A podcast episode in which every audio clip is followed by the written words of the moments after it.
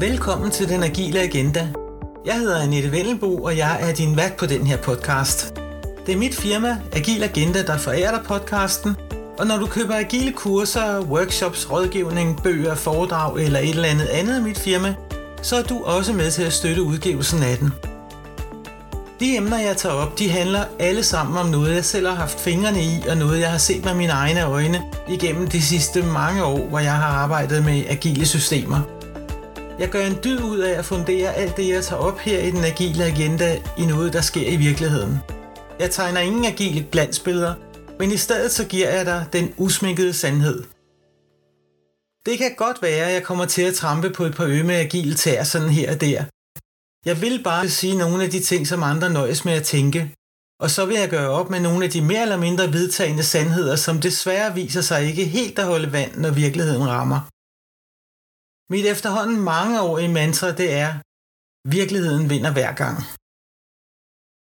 I dag tager jeg fat i estimering. Det er jo en af de her nærmest uomgængelige vedtagende sandheder, at man pine død er nødt til at estimere, så at spørge, om man skal estimere eller ej, det kan lyde som verdens dummeste spørgsmål. Men det er det bare ikke, og der findes faktisk mere end et svar. Selvom emnet estimering måske lyder afgrænset, så er det faktisk bredere end som så, når man sådan lige får tænkt efter. For hvorfor er det egentlig, man skal estimere? Jo, det er selvfølgelig, fordi man gerne vil vide, hvor lang tid en given opgave, eller et projekt, eller et program, det tager.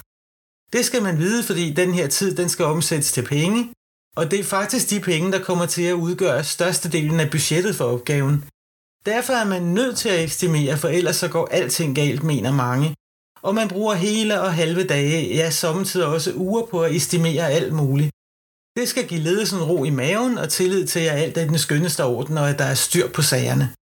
Faktum er bare, at alting ikke er i den skønneste orden, og alt er allerede gået galt i overvis. Hvor mange gange har man ikke hørt om fejlede projekter, hvor tidsplanerne de skrider, nogle gange i overvis, og budgetterne bliver overskrevet i uhyrligt omfang, og det er ikke sjældent mere end 100% man skal lægge til.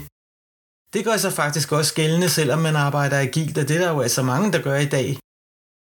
Nu er det jo altså mest det offentlige, man hører om, fordi de skal jo fortælle, hvordan de bruger skatteborgernes penge. Så derfor så er de nødt til at fortælle, hvordan de klarer sig på projektfronten. De private virksomheder, de behøver ikke at sige højt, hvis der er et eller andet, der går galt. Men nu har jeg altså selv været enten ansat i eller konsulent hos en længere række private virksomheder. Og derfor så ved jeg altså, at det heller ikke er alle projekter, der der kommer lige fint igennem. Jeg har jo brugt de sidste mange år på at nørde agile systemer, men hvordan ser så træfsikkerheden ud der? Tja, bum, bum, bum. Altså nu kan jeg jo kun tale for mig selv og det, jeg selv har set. Men altså, jeg har arbejdet med hundredvis af teams, hvor de fleste som sagt arbejder med Scrum eller en eller anden afart af Scrum. Og ja, de estimerer sig faktisk blå i hovedet. De nedbryder, og de refiner, og de gør ved. Men alligevel så må de her Scrum Teams igen og igen erkende, at de heller ikke leverede varen denne gang, når de kommer til slutningen af et sprint. De kom ikke lige helt i mål, fordi så viste det sig, at kompleksiteten den var større, eller det viste sig, at de var afhængige af et eller andet, en specialist eller nogen i et andet team, eller der kan være opstået blokeringer af den ene eller den anden art.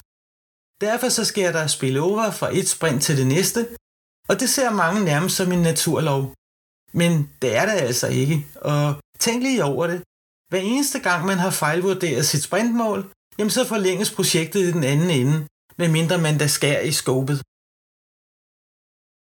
I de fleste Scrum Teams, der har man kun et enkelt eller få sprint til fokus. Men selv estimater for korte sprints på bare to uger, de holder altså heller ikke altid vand. Og jeg har endnu ikke mødt et team, der objektivt erkender, at spillover er lige med forsinkelser i forhold til den oprindelige plan. De fleste Scrum Teams, de kører bare blindt videre, og det er faktisk kun de færreste, der måler på sagerne. Og det betyder, at man ved rent faktisk ikke, hvor man står. Hvis nu man kigger i Scrum-guiden, og det gør jeg jo altså som Scrum-underviser, så er det altså product owneren, der har det lange lys på. Og det vil sige, product owneren har fokus på produktmålet, og har fokus på product backloggen i sin helhed, hvor udviklerne til gengæld har det korte lys på. De har sprintet i fokus, og de skal sørge for, at de sprintmål, de har sat op, det har de jo selv gjort, at de også leverer dem. så er det så Scrum Masteren, der skal holde øje med, at henholdsvis product owneren og øh, udviklerne faktisk har tændt det lange og det korte lys. Men nu kommer der lige en lille overraskelse. I de mange år, jeg har arbejdet agilt med alle de her teams, så har jeg kun én eneste gang arbejdet i en virksomhed, hvor produktmålet virkelig blev taget seriøst, og hvor product owneren faktisk havde det lange lys på. Og tilsvarende med det korte lys, hvor udviklerne faktisk tog ansvar for at følge op på, hvad der skete i sprintet, som de jo er ejere af. Men når det nu er sådan, at det kun er de færreste, der giver sig af med at måle på, om der skal forbedringer eller ej, og om man leverer det, man har lovet eller ej, så vil det faktisk være min påstand, at man i det store hele faktisk ikke aner, hvad man har fået ud af at køre for eksempel Scrum. Man lader sig nøje med, at folk sådan føler sig rigtig agile. Men der er bare ikke noget bevis for, at noget som helst har flyttet sig. Og faktisk så skal man jo også have etableret en baseline at måle ud fra. Og så nogle baselines, dem har jeg altså stadigvæk til gode at se. Det vil altså sige, at der hvor man i Scrum løbende bruger tid på at nedbryde og estimere og gøre ved, jamen så giver det altså ikke positive resultater ved kasse af i form af nogle sprintmål, som man rammer plet hver eneste gang, eller i det mindste oftest. Og hvad kan det så fortælle? Jamen hvis man så går ud fra, at det ikke er sådan, at alle dem, der giver sig af med at estimere de her opgaver, de er totalt talentløse, så må den næste tanke jo være, at det nok handler om, at ingen, og det vil sige ingen som helst, er i stand til at lave sikre estimater. Og en af årsagerne til det, den største årsag til det, det er jo, at man arbejder med stor usikkerhed, med mange ukendte ubekendte, og det gør det bare svært at ramme det her bullseye. Om lidt vil jeg fortælle, hvorfor det er sådan, og jeg vil også for alvor dykke ned i det her med at estimere og hvad man kan gøre i stedet. Og det er noget, det er oven i købet mere træfsikkert. Men jeg vil starte et lidt andet sted. Jeg vil vende tilbage til, hvorfor det var nødvendigt at estimere, og hvorfor det er så hundesvært at ramme bare nogenlunde rigtigt. Lige så længe som jeg har arbejdet i IT-branchen og haft med projekter at gøre, og det er efterhånden blevet til mere end 30 år, så har man skulle estimere. Det er altså en oldgammel vane, at sådan skal det bare være. Men i mangel af konkret viden, fordi man estimerer på det tidspunkt, hvor man ved allermindst om det, man skal i gang med, men så har man været nødt til at kigge i krystalkugler og lytte til mavefornemmelser, kigge på de sidste estimater, som man lavede, og det var jo så dem, der heller ikke holdt. Men det er det, der skal til, for at man kan give et bud på, hvad der skal til, og hvor lang tid det vil tage at gennemføre en eller anden opgave. Det kunne være et projekt, det kunne også være et program, eller et initiativ, eller hvad man nu kalder det nu om dage. Jeg har flere gange i andre situationer mindet om, at kompleksiteten den bliver altså hverken større eller mindre af, at man arbejder agilt. Tingene er præcis lige så komplekse, som de hele tiden har været. Og hvis vi snakker IT og projekter, så er det bare komplekst. Med kompleksitet så kommer der som sagt en masse ukendte ubekendte, og det gør det helt umuligt at planlægge og estimere noget som helst med sikkerhed. Der vil altid dukke nogle overraskelser op, når man mindst venter det. Det er et faktum, og det er uanset om man arbejder på den klassiske façon eller har valgt at køre den agile vej. Jeg har tit undret mig over, at ledere kan hoppe på den idé, at hvis bare man ændrer sin organisation og holder nogle bestemte møder, så bliver alting anderledes og bedre. Alting kommer til at gå hurtigere, og folk bliver mere forudsigelige og træfsikre, og de problemer, man tidligere har haft, de forsvinder som duk for solen, nærmest som ved et trylleslag. Men velkommen til virkeligheden. Hvis man ikke havde ordentligt styr på sagerne tidligere, så får man det altså heller ikke bare fordi man ændrer organisationen. Det bliver folk hverken mere eller mindre kompetente, systematiske eller metodiske af. Og det organisatoriske system, jamen det er lige præcis lige så strømlignet eller rodet, som det var før man ændrede organisationen. Det vil altså sige, at hvis man var dårlig til at estimere før, så er man det stadigvæk, når man arbejder agilt. Og hvis det var svært at ramme bullseye før, så er det det stadig. Hvordan kan det være anderledes? Når man kigger på projekter, der fejler, så er det ofte fordi estimaterne de er fuldstændig i skoven. Nogle gange så havner de ude i den her skov, fordi de første estimater, man lavede, de gav et resultat, som ledelsen ikke kunne acceptere. Tingene blev simpelthen for dyre. Man vil gerne have det nye, men man vil ikke betale, hvad det koster. Så begynder man at hugge en hæl og klippe en tog, indtil ens estimater er, ligesom ens ledelse gerne vil have dem, eller den kunde, der skal købe varen, er villig til at betale. Man kan jo godt lege, at man tror på de her stærkt sminkede estimater, og at man får vredet armen om af sin ledelse, eller vælger at sælge et projekt til sin kunde med nærmest 100% sikkerhed for at tabe på det, jamen det er jo, hvad det er. Det er et valg, man tager. Man skal bare ikke være overrasket over, at estimaterne ikke holder nogen steder, og at ens business case, hvis ellers man har lavet sådan en, den ryger af hækkenfelt til. I den slags tilfælde, så må jeg bare sige, at det er projekterne, der starter forkert. De slutter ikke forkert. Hvis ikke man kan få lov til at være realistisk, så er det da klart, at det går galt. Men tilbage til organisationsændringer. Det er et greb, der er i enhver topledelses værktøjskasse, og jeg må bare sige, at jeg har været udsat for min del af dem i de mange år, jeg har været ansat i nogle af de store internationale IT-virksomheder. Men lad os lige prøve at dissekere, hvad det egentlig er, der sker. Som ledelse, så vil man jo gerne sætte sit eget fodaftryk. Det er sådan set forståeligt nok. Den IT-branche, som jeg har arbejdet i i mere end 30 år, den har i de sidste mange år været temmelig omskiftelig. Det har betydet opkøb, fusioner, frasalg og ikke mindst nye chefer. Hver gang der skulle komme en af de her nye chefer, så har jeg tænkt i mit stille sind, når hvad skal der så ske nu? Hvad er der nu, der skal laves om? Hvordan skal organisationen nu se ud? For én ting var sikkert, den skulle i hvert fald ikke se ud sådan, som den gjorde før. Det jeg stadig spørger mig selv om den dag i dag, det er, hvad ledelser mener, der helt konkret skal komme ud af at flytte folk rundt. Hvis ikke man får de resultater, man gerne vil have, så skulle man måske hellere tage at kigge på, om de kompetencer, man har i organisationen, er dem, man skal bruge. Eller måske skulle man prøve at forstå, hvor komplekst det egentlig er, det folk arbejder med.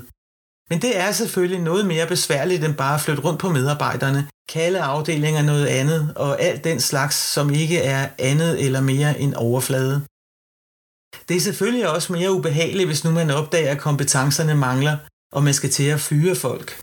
Altså det er altid sjovere at ansætte folk end at fyre dem, men nogle gange er man jo nødt til det, hvis man gerne vil have det kompetencemix, der skal til for at levere det, man gerne vil levere. Men her træder de agile frameworks så ind på banen som en slags redningsplanke. De anviser noget, der på overfladen kunne ligne en sikker vej til at løse alle de problemer, man har haft med uforudsigelighed og forsinkede leverancer og budgetter, der ryger til månen. Og for eksempel Scrum og Safety kræver jo, at man omorganiserer, så det ligger jo lige til højre benet på den chef, der tror på, at organisationsændringer i sig selv løser noget som helst. Der er mange ledelser, der gerne vil have lette svar på komplekse problemer, og på overfladen kan det se ud som om for eksempel Scrum og Safe giver netop disse svar. Men i virkelighedens verden så findes de lette svar bare ikke. Det ville da også være mærkeligt, hvis de gjorde. Men det man under alle omstændigheder får, når man arbejder agil, det er jo mere transparens. Og det er selvfølgelig bedre end ikke at have det. Men man har altså de teams, man har, og det betyder, at de er lige præcis så gode eller dårlige til deres arbejde, lige så systematiske og metodiske og disciplinerede osv., som de var, før man kastede sig ud i de her agile farvande. Og så har man selvfølgelig også de ledere, man har.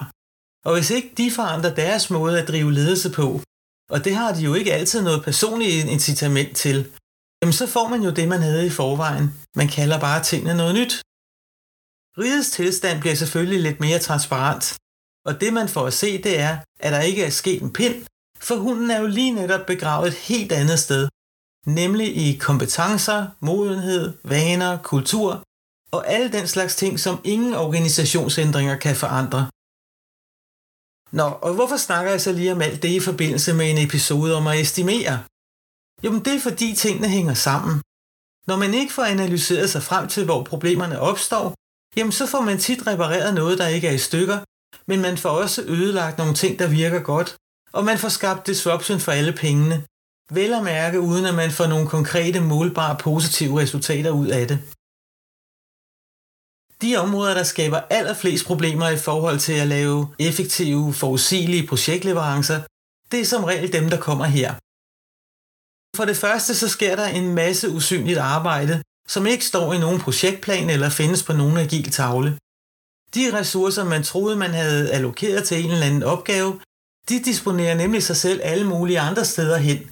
Fordi i organisationen så er det tilladt at rende rundt og prikke hinanden på skuldrene, eller sende mails, eller ringe op og bede om hjælp til et eller andet, som ikke er registreret noget sted.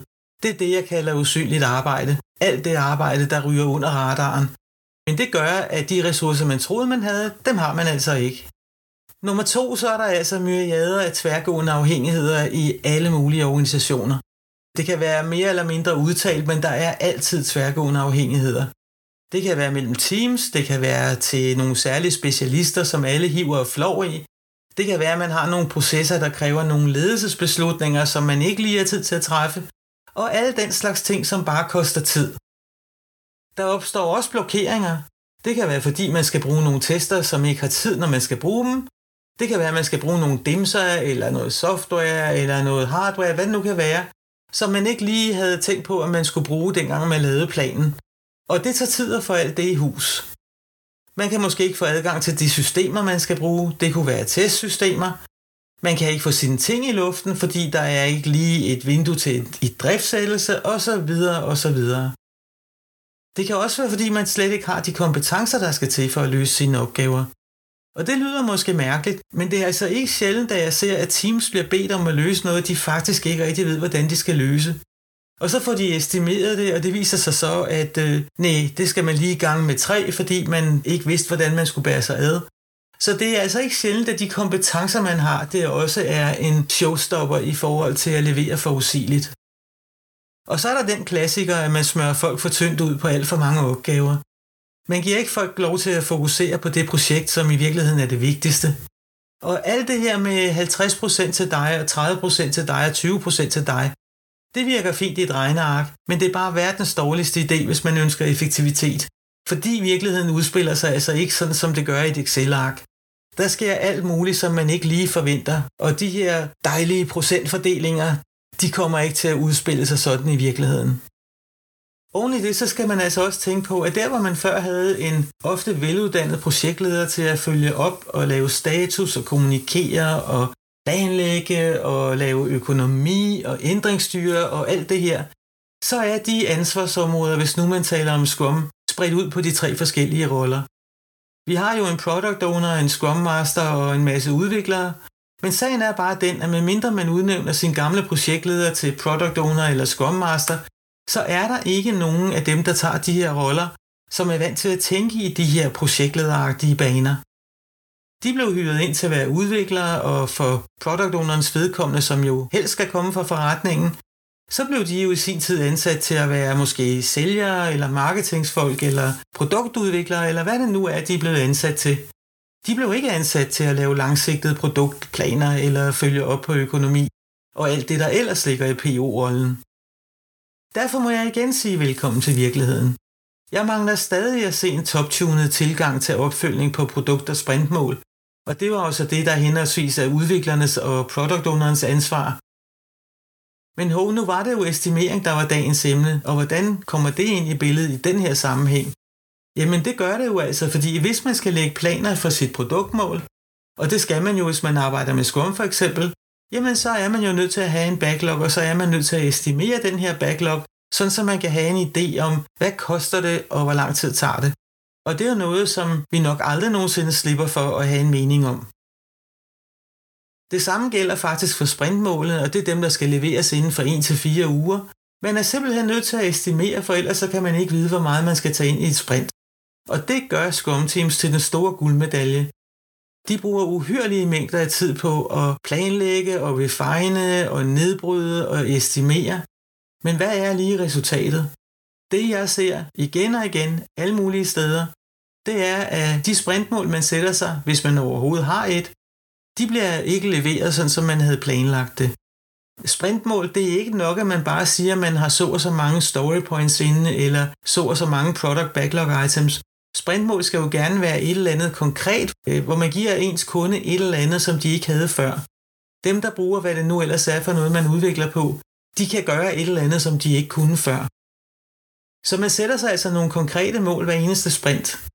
Og hvis man alligevel ikke når de mål, man sætter sig, ikke engang for perioder så kort som to uger, hvorfor er det så, man tror på, at estimaterne, hvis man overhovedet har lavet dem, de skulle holde for et helt produktmål, som måske strækker sig over mange måneder og nogle gange år? Lad os prøve at lave et lille købmandsregnstykke. Hvis nu vi har et lille scrum team på, lad os sige, fem mænd og damer, og de forventer at bruge sådan cirka 10% af deres tid på at øh, massere product backloggen, refine den, som man kalder det. Det er det, der danner basis for estimering. Det vil faktisk svare til en mandeuge for hver 14 dages sprints.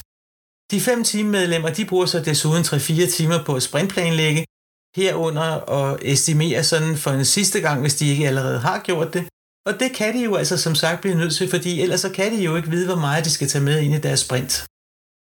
Det vil altså sige, at vores øh, fem kompaner her, de bruger i størrelsesorden 50-55 timer på at bearbejde deres backlog, så de bliver i stand til at estimere den, sådan så de kan beregne, hvor meget de kan tage ind i deres sprint. Det er jo godt nok en chat tid, der går fra deres udviklingsarbejde til den her øvelse.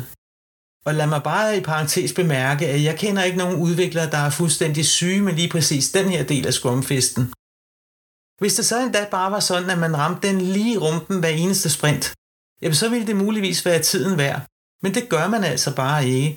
Man ser som sagt igen og igen og igen spillover, og man ser sprintmål, man ikke opnår, og så er der en masse forklaringer på, hvorfor det var. Og det kan jeg allerede her fortælle ligegyldigt hvad, så er det de her ukendte ubekendte, der rammer en.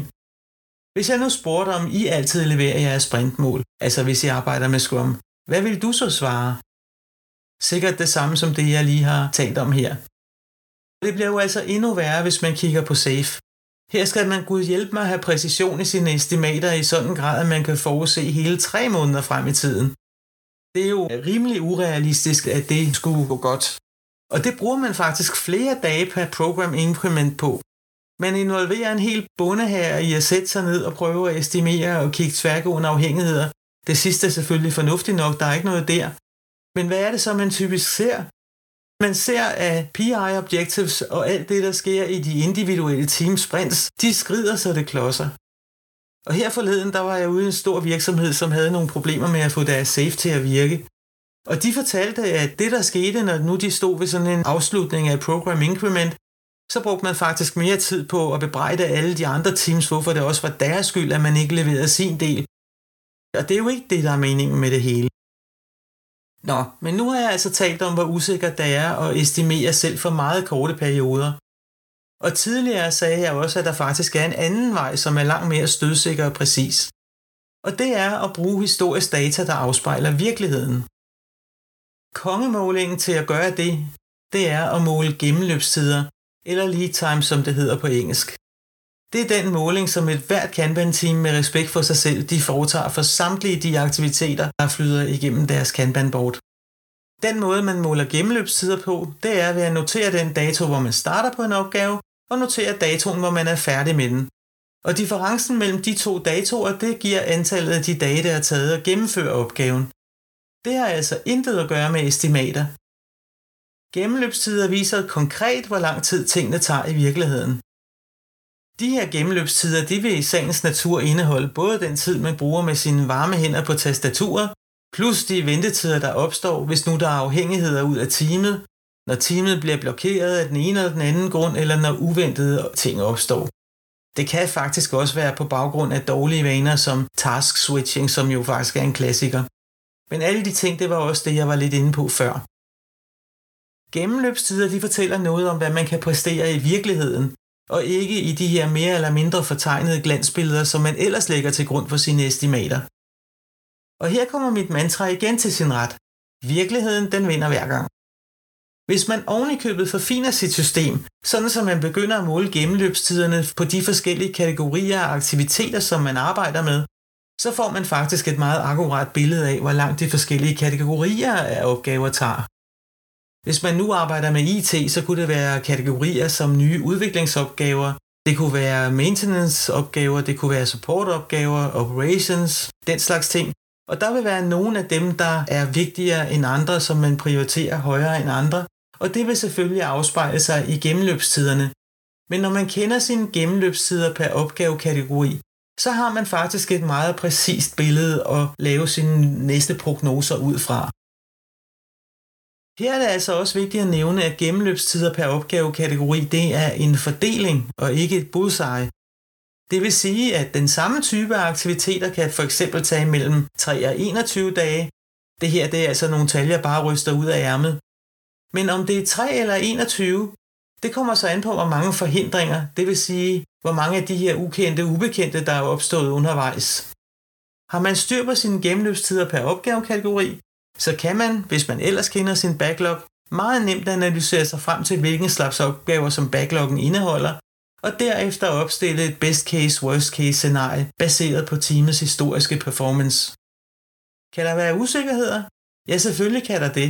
Men det er jo alt andet lige mere robust at lave prognoser baseret på konkret data end på krystalkugler. Er det svært? Nej, det er det overhovedet ikke. Det kræver bare et minimum af disciplin og en enkelt person, der gider at tage sig tid til at regne gennemløbstiderne ud, hvis man da ikke bruger et softwaresystem, der kan lave alle udregningerne for en. Allerede efter få måneder, så vil man have et ret præcist billede af, hvor hurtigt man kan regne med at kunne levere en given aktivitetskategori. Man snakker i Kanban om at forekaste ved hjælp af sandsynligheder. Ud af sin lead time fordeling, der kan man udregne sandsynligheden for, at man kan levere inden for et bestemt antal dage. Det betyder, at man kan begynde at lave nogle SLA'er med sine kunder, altså Service Level Agreements, og de begynder pludselig at kunne have tillid til, at man leverer det, man lover. Har man styr på sine lead times, så er det derfor et komplet spild af tid at bruge sin halve ungdom på at estimere hver enkelt aktivitet. Hvorfor skulle man det? Hvis nu du sidder og tænker, at det kan da ikke passe, at man aldrig skal estimere, så har du faktisk ret. Der er en bestemt situation, hvor man er nødt til at estimere. Lad os sige, at man har en bestemt aktivitet, som har en hård deadline. Det vil altså sige, at man er nødt til at levere på et bestemt tidspunkt, for ellers så sker der et eller andet grusomt. Jamen så er man selvfølgelig nødt til at lave et bedste gæt på, hvor lang tid det vil tage at gennemføre den her aktivitet. Og det skal man, fordi så kan man starte aktiviteten på det rigtige tidspunkt. Her er det en god praksis at starte opgaven nogen tid, før man absolut er nødt til det, sådan så man er sikker på at kunne levere til tiden. Men der er ikke nogen grund til at starte den lang tid før at den har deadline, fordi så kunne man i stedet for have leveret noget, der faktisk skabte værdi her og nu. Men hvis du tænker lidt over det, så er der jo altså enormt stor forskel på at skulle bede sit team om at estimere de forholdsvis få aktiviteter, der vidderligt har hårde deadlines, frem for at de skal estimere alle aktiviteterne i hele deres backlog. Jeg ved godt, at det kan være grænseoverskridende at slippe de her estimater. Det giver den her lækre falske tryghed, Selvom vi ved, at det som regel altid går galt, så føles det alligevel så trygt at gøre det. Vi er jo nærmest hjernevasket med den illusion, at vi må og skal estimere for at få overblik. Men det vi erstatter estimaterne med, det er jo konkret data, der repræsenterer virkeligheden. Det kan godt være, at virkeligheden ikke ser ud sådan, som man helst vil have det, men virkeligheden er nu engang virkeligheden. Det bedste ved at bruge gennemløbstider som rettesnor, det er, at man sparer en hulens masse tid på at nedbryde og estimere sine aktiviteter, og der er ikke ret mange udviklere, der synes, at det er særlig sjovt at gøre. Især er det ikke sjovt, når man så oplever, at ens estimater sjældent holder. Og det gør de blandt andet ikke, fordi det bullseye, man forsøger at ramme, desværre ikke eksisterer. Der er jo netop tale om en fordeling, når man kigger på sine præstationer. Min egen erfaring fortæller mig, at folk i første omgang stejler ved tanken, hvis de starter med Scrum, så har de fået banket ind i hovedet, at opgaver skal nedbrydes til ideelt set en dags varighed, og man skal estimere, gerne ved hjælp af relativ estimering, og det siger sig selv, at det tager noget tid. Ganske lang tid faktisk. Når jeg så kommer med mine Kanban-praksiser og snakker om at basere sine prognoser på historisk data, så kan man næsten ikke holde ud at skulle forlade de praksiser, som man måske har arbejdet efter i adskillige år. Og det, at man kun lejlighedsvis leverer det, man lover, det ændrer overhovedet ikke på det billede. Der er mange, der holder stadig fast i de her ineffektive praksiser i en overbevisning om, at i næste sprint bliver det anderledes, eller fordi det nu altså står i Scrum Guiden, fordi så må det jo være sådan, man skal gøre. Men som en eller anden sagde engang, hvis kortet af terrænet ikke stemmer overens, så gør man altså klogt i at forholde sig til terrænet. Det samme gør sig gældende i agile sammenhænge. Hvis man ikke får de resultater, som man faktisk var ude efter, så skulle man måske prøve at gøre noget andet. Selvom du måske synes, det lyder ulogisk, at man ikke behøver at estimere, så vil du altså opdage, hvis du lige tænker sagerne igennem nok en gang, at det med at måle gennemløbstider og kende fordelingen af dem per opgavekategori, det vil give dig et datagrundlag, der er baseret på virkeligheden. Det vil sige historisk performance. Med det som baggrund, så kan du lave nogle mere realistiske prognoser for de nye opgaver, der kommer ind. Man kan, som jeg lige nævnte før, udarbejde et best case, worst case scenarie baseret på viden om den konkrete fordeling af gennemløbstiderne. Estimater derimod, det er og bliver et bedste gæt. Ofte foretaget af nogle andre end dem, der faktisk skal lave arbejdet. Her har man taget sin krystalkugle frem, og man har taget sine mavefornemmelser i brug, Og så glemmer man som regel at tage højde for alle de her ukendte ubekendte, som jeg har talt om, og de vil dukke op hen ad vejen. Så står man her med sit bullseye-estimat, som med kæmpe stor sandsynlighed ikke vil holde en meter. Hvis jeg stadig sad som leder et eller andet sted, så ved jeg altså godt, hvad jeg selv helst vil have, og det er ikke upræcise estimater. At basere prognoser på gennemløbstider, det har desuden en anden sidegevinst. Der er slet ikke behov for at involvere sine udviklere. Det eneste, de skal sørge for, det er at notere, hvornår de starter og afslutter en given opgave, og resten det er rent regnearbejde. I Kanban ville det være Service Delivery Manageren, der havde ansvaret for de beregninger, men det kunne lige så godt være en projektleder eller en Scrum Master, hvis nu man har valgt at arbejde på den måde. Der bliver altså frigjort ikke ubetydelige ressourcer til udvikling, når nu de rare udviklere ikke længere skal bruge dagevis på at nedbryde og estimere. Og her skal jeg også lige nævne, at hvis man nu må konstatere, at fordelingen af gennemløbstiderne er uforklarlig bred, så kunne man jo give sig til at grave i, hvordan det lige kunne være. Her vil man som regel se, at det er afhængigheder, blokeringer, manglende kompetencer eller ressourcer og andet snavs i systemet, der er den bagvedliggende årsag. Og det kan man jo vælge at reagere på og gøre noget ved. Dårligt fungerende organisationer og systemer vil helt uden tvivl sætte sig i meget brede fordelinger af gennemløbstider. Og det kan man jo kun fikse, hvis man reparerer det, der ikke virker ordentligt i systemet. Den er simpelthen ikke længere. Og der er faktisk nok en sidegevinst. Kendskab til fordeling af gennemløbssider, det giver faktisk et ret klart billede af, hvor velfungerende ens organisation er. Desværre så billedet langt fra altid særlig kønt, men når nu man kan se, hvor der står grus i det her organisatoriske maskineri, så kunne man jo vælge at fjerne gruset. Hvis jeg skal summe op helt kort på den her snak om estimering, så bliver det noget i den her retning. Estimater er som regel altid upræcise gæt og tal, man ryster ud af ærmet. At måle gennemløbstider, det er at måle den historiske performance. Den viser med andre ord virkeligheden præcis sådan, som den ser ud. Hvis man har aktiviteter med hårde deadlines, så er man nødt til at estimere, sådan så man kan begynde på dem på den rigtige tidspunkt. At estimere på den måde, som Scrum og Safe lægger op til, er ekstremt tidskrævende og lige så unøjagtigt som estimater altid har været. Det kan man lavlæse direkte i træfsikkerheden, når det kommer til at levere sine sprint- og produktmål. At måle gennemløbstider, det kræver, at man bare gør sig ulejlighed med at notere start- og slutdato på sine aktiviteter, og så skal man have et Excel-ark, hvis altså ikke man har et software-system, som regner tingene ud for en. Jeg er selv kæmpe fan af at gøre tingene så enkelt og effektivt som muligt. Og jeg kan kun opfordre dig til at prøve at se, hvad der sker, når du fortæller dit team, at de ikke længere behøver at bruge tid på at estimere. Men prisen for det, det er, at de skal notere start- og slutdatoer på deres aktiviteter. Uden at jeg lige kender dit team, så tør jeg godt sige, at det formentlig er et bytte, de gladeligt vil gå ind i. Prøv også at se, hvad der sker, når man i en ledelse pludselig kan stole på de prognoser, der bliver udarbejdet i ens teams. Det giver tillid, og tillid giver arbejdsro, og arbejdsro det giver større effektivitet. Og på den måde så kan man hjælpe sig selv ind i en positiv spiral på en knaldsimpel måde. Alt det, jeg nu har fortalt om, det er alt sammen baseret på ting, der sker ude i den virkelige verden og noget, jeg har oplevet. Jeg har set, hvordan skuldrene falder ned på folk, når de oplever at få frigjort tid til at arbejde med det, de synes er allersjovest. Folk bliver faktisk glade, når man fjerner ting, der forekommer meningsløse. Hvis ikke man kan få tingene til at give mening, så er det altså også tæt på umuligt at få folk til at tage aktiv del i dem. Også i den agile verden, så gælder det altså om at skabe mening med galskaben, og ikke bare spænde folk for en småfundamentalistisk agil vogn.